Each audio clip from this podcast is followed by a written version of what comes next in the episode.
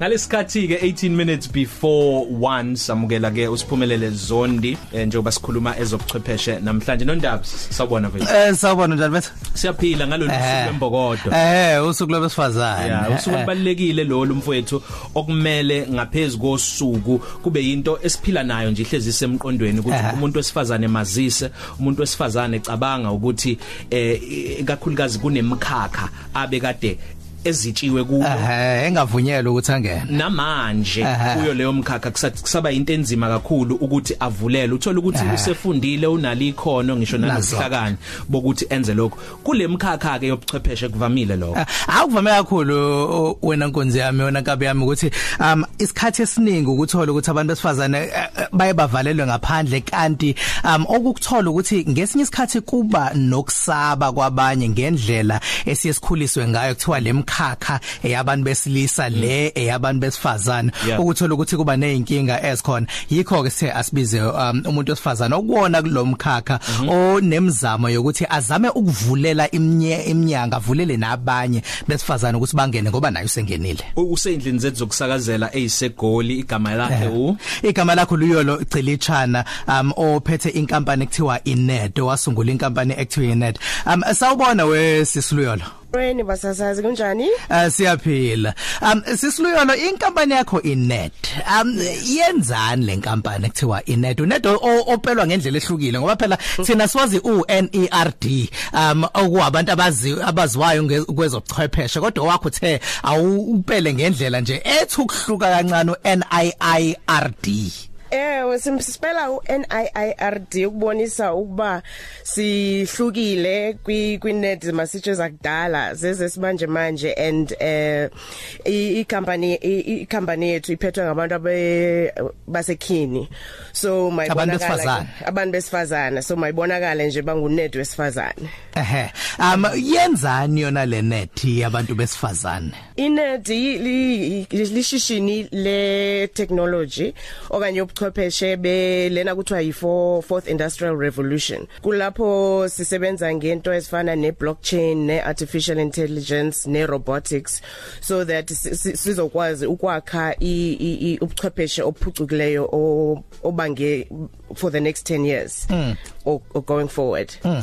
Um asike sithi nje ngiphuma endaweni yasezimbokodweni uqeda ukungitshela ngezinto ezifana no artificial intelligence no blockchain. Um angikaze ngizizwe lezi zinto okhuluma ngazo. Zenzani? Um zenza so iartificial intelligence yinto yokuba sikwazi ukuthatha imachine okanye icomputer siyenze ukuthi icinge okungathi ngumuntu so u- umzekelo mhlawumbi ukuba mhlawumbi kwi reception area mhlawumbi kwi kwi company mhlawumbi kungabikho umuntu usebenzisa icomputer izakwazi ubona ukuthi ewe nguwe nalo ungenayo okanye mhlawumbi ngomnye umuntu ikwazi ukunika either access okanye or not Mhm. Um ikona lokho kwenza ukuthi uma ngabe sise inkundleni zokuxhumana uthola ukuthi uma ngabe mhlambe uke wabheka indawo zokungcebeleka sithi uye endaweni efana no Senlusha kanje uyongcebeleka khona. Mase ungena einkundleni zokuxhumana umshini sewuyazi ukuthi oh uyakuthanda ukungcebeleka kunondaba.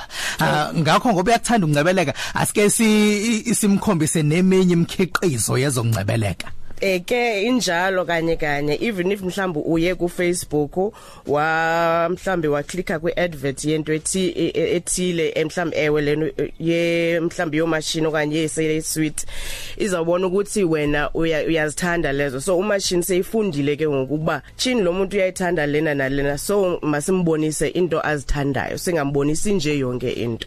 Susilolo nibaheha kanjani abantu esingathi ama client ene enifuna ukuthi ni- ni- nithole imali kubona? Njengoba lento ichazayo mhlambe omunye angathi ayikho ngisho nanala es- es- eningizimi Afrika kwabesilisa izinto mhlambe zako Germany no China nifinyelela kanjani? Nithola plezi ikhwephe lesibindi nale experience yokwazi ukulobbyisha abantu aba- abathatha inqumo ukuthi banake nina njenge nerd ningabantu besifazana abamnyama baseningizimi Afrika. Sifundele and si ikhona iavailable apha eSouth Africa.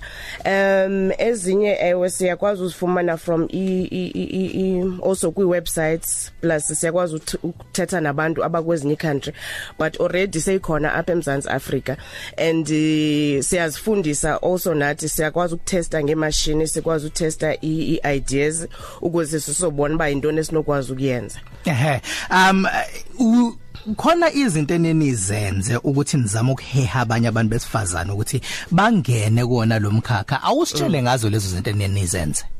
Okay so sine program ye 24 months um and abantu sifuna ukuthetha nabo ngabantu besifazane abamnyama asebegqibe imatric. Mhlamba bazange bakwazi ukufunda ukugqithisela ku matric um ngengxaki ezihlukahlukeneyo. So sine program ye 24 months apho sibafundisa khona sithi uzani nina niyathanda ubuchwepheshe and ninayo i mathematics mhlamba niyayithanda nayo and ni good kwi languages so izani sinifundiseni sihlale nani sinibonise ukuba zisetshenziswa kanjani ezinto ze ze blockchain ne AI ezisithetha ngazo. So kaso ufundile after lo 24 months then siyakwazi ukufumana lama ukuncedisa ukufumana amathuba omsebenzi okanye usebenze kwalapha kwicompany yethu okanye uncedise iclients zethu. Ehe um le training enithi niyayenza yenziwe laphi? Yenziwa kwalapha eGautini um ioffice yethu ilapha er eDunkeld West apha eRandburg. Plus ne training center yethu ikwalapha eRandburg. Mm. njengomuntu osifazane okwezobuchwepheshe uma ungasitshela ukuthi mhlambe inkingo ke waba nazo wabhekana nazo uzama ukungena kwezobuchwepheshe nawe uzokhule kuzofike kulelize ngalokuthi sewuthi sewukulungela ukuvula umnyango manje ukuze abanye bakwazi ukungena kulowo mnyango nawe akwangena kuona Um akukho lula ngoba ufanele qala uzifundise nawe and two uzithembe. And three uyazi ukuba you know iideas zakho nengcinga zakho nazo zibalekile and ubunzima iniba ngamanye amaxesha igcwele le industry yabantu aba yamadoda obuchwepheshe obu. But ke um sesivulekela iminyango because siyakwazi noko sizifundisile sizi empowerishe nathi and sikwazi ukuhlangahlangana nabanye abantu mhlawumbe esebelahambile phambi kwethu you know all nyawo. So sikwazi ukuncedisana nabo. Mhm. Nanguke untomzodwa usempophomeni uzimisela ukuthi ahamba yohlala unyaka egoli aqeqeshwe yini ekumele ayenze. Eh fana nxumale nathi nam ke email antumele i mhlambi either iCV yakhe okanye mhlambi afuna ukuthetha ngefone okanye anganthumela ku hello@nerd.com and uned ubhalwa N I I R D so hello@nerd.com unedu NIRD bangalithola lelo thuba lokuthi bakwazi ukuqeqesheka abantu besifazana ukuze nabo bangene kulomkhakha wezobuchwepheshe. Yebo. Sibonge luyo lo icilichana um ophethe inkampani inedu thank you. Sibonga kakhulu siswami.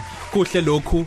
Eh kuyinto engakhuthazwa kakhulu banesibindi njengabantu besifazane. Yabona ukuthi bayasebenza nje ngizwe nalama over amahovisi abo akhona kusho ukuthi abasabe ukuzitshala phakathi nawo amadoda kulemboni abakuyona awu impela hayi kuyancomeka kona ukuthi abantu besifazane babone. Enokuthi umuntu wesifazane uma esengenile abone ukuthi angike ngikhuphula abanye besifazane.